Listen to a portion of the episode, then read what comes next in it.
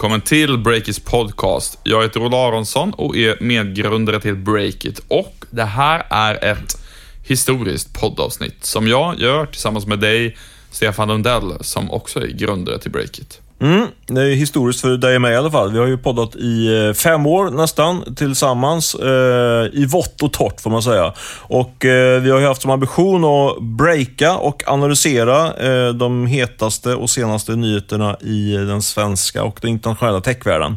Men i den här podden så kommer vi att bara ha en nyhet att leverera eh, och analysera och den ska handla om oss själva faktiskt. Eh, för det här blir eh, den sista podden i dess nuvarande form. Nyheten som jag nu ska leverera är att vi gör en storsatsning på en daglig ekonomipodd här nu till hösten med start i september. Men den här veckopodden i sin nuvarande form, den, den dör härmed. Det gör den och varför då, frågar man ju sig.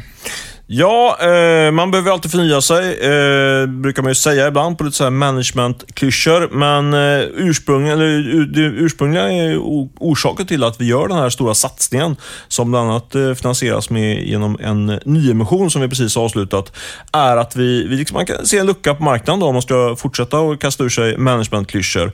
Eh, men det tror jag verkligen på riktigt. Dels eh, alltså utifrån flera aspekter. Dels så, så har vi haft en idé ganska länge om att det finns ett tidsfönster eh, på morgonen när folk eh, tar sig till jobbet eh, på ungefär en halvtimme om man bor här i Stockholmsområdet. Som man kan fylla med en massa olika saker, men det skulle vi vilja fylla med, med den här podden istället för att man sitter och spelar spel eller lyssnar på något annat ointressant. Sen tycker jag också att det finns ett fönster i form av att det faktiskt inte finns någon daglig ekonomipodd, vare sig på den svenska eller vad jag har förstått på den europeiska marknaden. Jag har inte gjort världens mest grundliga research, men, men det känns som att det, det finns det här, eh, det här, den här luckan helt enkelt som vi såklart måste gå in och fylla då. Du, en eh, daglig, kortare affärs och ekonomipodd eh, helt enkelt. Lite mer konkret, vad kan man vänta sig som lyssnare? Vi vill ju ha liksom Breakits touch på hela det här projektet. Det kommer inte bli en ny upplaga av Ekonomiekot eller något liknande. Va? Nej. Det hade jag väntat. Jag gillar Ekonomiekot, men Ekonomiekot är väl, om man ändå ska gå lite polemik mot dem, så är det ju mer rapporterande där. Och, men här, här ska vi försöka kombinera tre saker som jag tycker är kanske det, det mest relevanta när man bedriver journalistik i allmänhet och ekonomijournalistik i synnerhet. Det ska vara hårda nyheter, det ska vara analyser av de här nyheterna och även analyser av annat, sak, annat som händer i, i flödet. Och det ska vara, inte minst viktigt, en hel del affärsskvaller också. Man ska när man lyssnar på den här podden ska man dels vara helt uppdaterad eh, eh, på vad som, är, vad som har hänt och vad som är på gång i eh, näringslivet med fokus på, på det svenska näringslivet. Eh, man ska få någon form av take på det. Man ska också kunna bidra med lite, med lite saker som vi, vi sticker ut hakan och vi kommer med sånt som kanske inte är 100% bekräftat men ändå snackas det om där ute. Liksom. Det är min ambition med den här podden. Men det är ju fokus. Nu har jag liksom gjort någon form av eh, säga, innehållsdeklaration för podden och vi jobbar ju fortfarande med den. Vi gjorde, ju, arbetar ju, den är ju liksom inte klart än exakt hur det ska bli. Vi gjorde faktiskt en vår första torrsändning här igår och kommer att jobba med detta under hela sommaren innan premiären då i september som ni alla måste lägga på minnet. Men eh, om vi då tittar på den mer affärsmässiga biten, varför vi gör den här satsningen. Olle, du är ju VD och därmed ytterst intäktsansvarig på det här bolaget. Vad, vad, vad ser du? liksom? Vad är den kommersiella potentialen med en daglig eh, näringslivspodd? Ja, om man eh, zoomar ut lite grann då, så det finns ju eh, några olika sätt att sprida nyheter och kommentarer till folk som vill ta del av det. Det finns text och det finns video och det finns ljud om man förenklar lite grann. Och ehm, man kan väl säga att trenden de senaste fem åren är att väldigt många internetnyhetsföretag, Buzzfeed och eh, ett gäng andra, har gjort eh, en så kallad pivot to video. Alltså man eh, vill göra mer av video helt enkelt, för man tror sig kunna tjäna mer annonspengar på det. Det tror inte vi på. Vi tror att det där är, eller rättare sagt, vi tror inte det på det för breaket primärt, utan Eh, video det är jättebra för tonåringar som har tid att titta länge på en skärm. Vi tror att podd är bättre för våran lite mer upptagna målgrupp som vi kan lyssna eh, samtidigt som man gör någonting annat. Eh, är också bra eh, för övrigt. Det, det är liksom lätt att, att ladda ner poddar. Det kräver inte så mycket uppkoppling, strömmas lätt och lätt att distribuera och sådär. Uh, dessutom tycker vi att ekonomi-tv-marknaden i Sverige online, den är redan överetablerad med Svenska Dagbladet och, och DI och även Aftonbladet och Expressen gör jättemycket webb-tv och så. Uh, de där satsningarna tror inte jag eh, direkt allihop kommer gå jättebra ekonomiskt, om man uttrycker mig lite diplomatiskt. Eh, poddmarknaden är också liksom överetablerad, men den är inte överetablerad inom alls. Den är underetablerad kan man säga, precis som du sa. Det är unikt att man gör en... Liksom Underutvecklad? Kort... Ja, men exakt. Bra formulering. Det finns ju supermycket poddar ute, men kort, eh, seriöst producerad, riktigt vass affärspodd, det är liksom ingenting vi har varje dag i Sverige. Utan det är ju Ekonomiekot som är den tydliga konkurrenten där och där tror jag att vi kommer vara både bättre, rappare, roligare och, och, och smartare.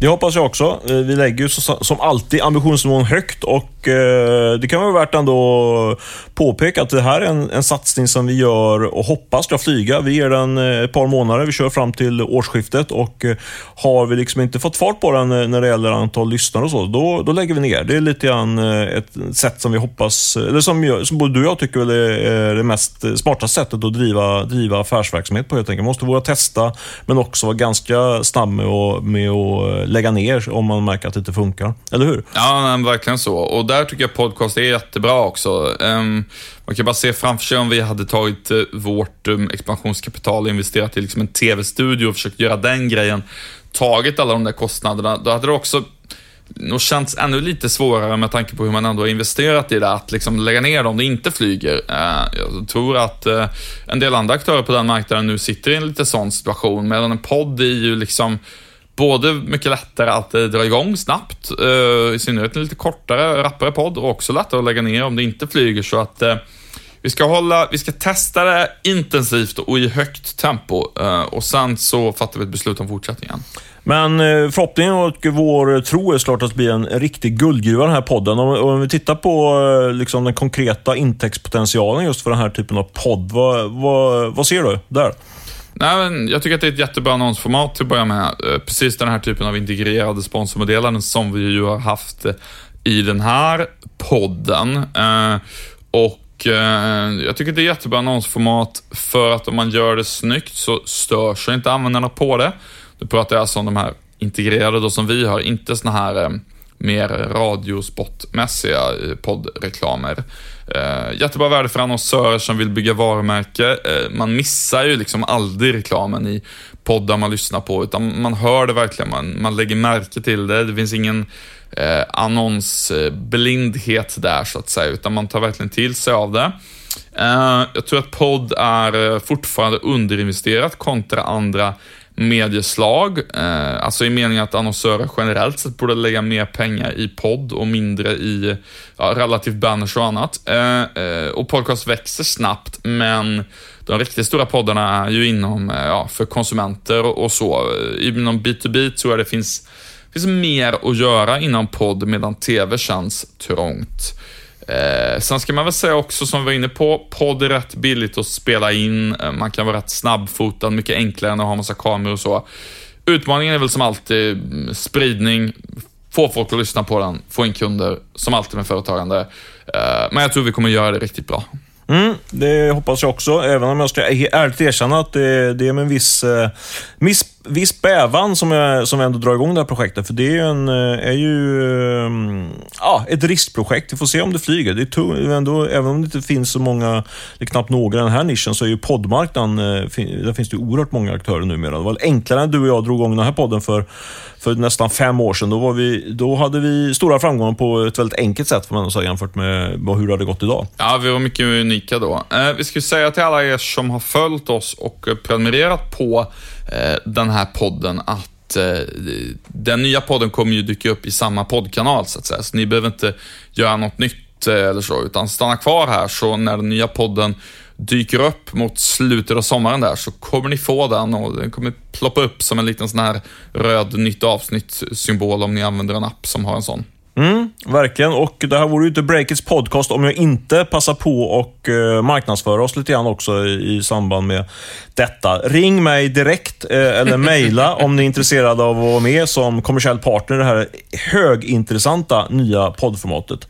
Stefan at breakit breakit.se. Stefan.breakit.se. Eller kom hit och ring på Smålandsgatan 16 Ja, vid Norrmalmstorg i Stockholm. Dygnet runt eh, får ni komma om ni har det ärendet faktiskt. Eh, nog om detta. Eh, vår nya dagliga podd som alltså kommer i september. Eh, men nu ska vi faktiskt introducera en eh, liten, eh, liten karamell här inför midsommarhelgen. Det är nämligen så att eh, vår nyhetschef Jon Mauno Pettersson och vår reporter Erik Wisterberg, de har ju, gjorde ju en reportageserie som vi kallar det för Sagan om Spotify. Och Det här är ju en, ett samarbete som vi gör med, ihop med bokförlaget Volante. Eh, de hörde av sig efter att de hade läst eh, vårt reportage eh, som var i flera delar på sajten och tyckte att absolut att det här ska man se till att göra en riktigt bra ljudbok av. Eh, och Vi gillar ju att testa nya saker här på Breakit. Inte bara nya poddar utan även eh, nya format när det gäller eh, det, skrivna ordet som nu då blir det lyssnade ordet. Så i slutet av maj hade den här premiär då på Storytel bland annat och har som sagt då klättrat på topplistorna. Och Eh, nu är det dags att få lyssna på lite grann eh, även i den här podden på, på detta. Eller hur Olle? Mm, eh, så är det. Eh, det kommer att bli ett litet utdrag nu i podden från eh, Sagan om Spotify. Den finns på alla de stora eh, streamingtjänsterna för ljudböcker, men eh, vi bjuder på ett smakprov här. Eh, och eh, det här smakprovet, det handlar om de okända teknikgenierna och deras jakt på en magisk eh, siffra. Eh, det kommer alldeles strax, men innan det så måste vi ju, när vi har poddat ihop i fem år, passa på att tacka Beppo ljudproduktion som har eh, klippt Breaks podcast ända sedan starten. Och tacka verkligen från hjärtat också alla ni som har lyssnat och följt oss och peppat oss sedan dess. Mm, jag bara, kan bara instämma eh, och det ska bli superintressant, superspännande att få köra vidare med podden i september med det här nya formatet. Jag hoppas att ni är med oss då och eh, såklart marknadsför oss i alla era kanaler. Ha det bra. Eh, jag säger tack och hej, eller vill du säga något Olle? Nej, jag säger eh, tack så jättemycket och eh, varsågoda och lyssna på ett utdrag ur Sagan om Spotify. Kapitel 4 Jakten på 200 millisekunder Sent i försommarnatten lyser lamporna fortfarande på Riddargatan 20. Inne på det lilla Spotify-kontoret sitter tre män. De jobbar natten igenom. Klockan hinner bli tre, fyra, kanske fem på morgonen innan Mattias Desalenski, Andreas En och Fredrik Nemele betraktar den färdiga frukten av Spotifys techteams hårda arbete. Där, mitt i natten, i mitten av 2007, föds Spotify som fungerande produkt. Programmeraren Mattias Desalenski får äran att bli användare nummer ett. Den tekniske chefen Andreas En blir nummer två. Fredrik Nemele, som la in sig själv som användare nummer tre den där sommarnatten, minns det som en underbar känsla. Systemet kickade igång och fungerade direkt. När Spotify grundades var musik redan tillgängligt gratis på internet. Det var bara att tanka loss. Detta var innan The Pirate Bay-rättegången och långt innan vanliga svenska fildelare dömdes till miljonskadestånd. Att fylla sitt iTunes-bibliotek med olagligt nedladdad musik bedömdes som tämligen riskfritt och rätt coolt. Daniel Ek och Martin Lorentzon började under 2007 bli allt mer övertygade om att det var musik, inte tv eller film, som skulle bli Spotifys grej. Deras fråga var, hur blir man bättre än gratis? Svaret stavas snabbhet. Svaret har också en siffra, 200 millisekunder. Om du bygger en tjänst som är så pass snabb så uppfattar vår hjärna det som omedelbart. När du trycker på play så känns det som att musiken startar direkt, precis som om den faktiskt fanns på din hårddisk. Där fanns en möjlighet att utklassa de segbuffrande försök till streamingtjänster som dittills testats och konkurrera med fildelningen på riktigt. När Spotifys förste teknikchef Andreas En värvar sitt första teknikteam är det den frågan han måste lösa. Vilka kan bygga en streamingtjänst där musik skickas blixtsnabbt världen över från ett gäng servrar i en skrubb på Östermalm? Det var en jakt på 200 millisekunder. Ludvig Strigeus, superkodaren från Göteborg, byggde i stort sett själv Spotifys fjäderlätta klient, själva musikspelaren. Men tekniken under huven som gjorde Spotify så snabbt kom i stor utsträckning från de dataloger som Andreas En handplockat från sin egen gamla skola, KTH i Stockholm. De var runt 26 år gamla och älskade teknik. Ett Dream Team tog form som i sig blev en lockelse för andra kodare, inte minst från KTH. Exakt vem som gjorde vad är alltid klurigt att veta mer än tio år senare. Det finns dock ett dokument som ger vägledning. Spotifys första patentansökan för tekniken bakom streamingsuccén daterad 13 juli 2007. Där finns fem namn listade som uppfinnare. Andreas En, Magnus Hult, Fredrik Nemele, Ludvig Strigeus och Gunnar Kreitz. Det knastertorra dokumentet konstaterar att uppfinningen hänför sig till peer-to-peer-strömning av media i ett nätverk för datadistribution. På ren svenska betyder det att Spotify hämtade inspiration till sin teknik från samma fildelare som de ville konkurrera ut. De byggde ett slags fildelningsnätverk. Initialt sågs just peer-to-peer-tekniken som central för Spotify. Många i gruppen tillhörde en skara som inte direkt älskade skivbolagen. Fredrik Nemele minns inställningen som ändå fanns. Istället för att bara sitta och klaga kunde vi göra något åt saken, att göra det irrelevant att kopiera.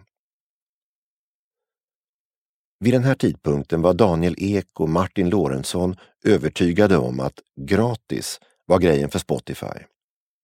Investerare som bolaget kontaktade räknade med att en mycket liten andel, kanske 3% en siffra man hämtat från Skype, skulle kunna konverteras till betalande kunder. Samtidigt var bandbredd på den här tiden dyrt. Att ha en teknik som åt bandbredd på bred front skulle suga musten ur Spotify ekonomiskt. Och det är här datagenierna från KTH kommer in i bilden. Teoretiker som Fredrik Nemele och Gunnar Kreitz sattes på att lägga grunden för det system som skulle kunna distribuera all världens musik billigt på under 0,2 sekunder.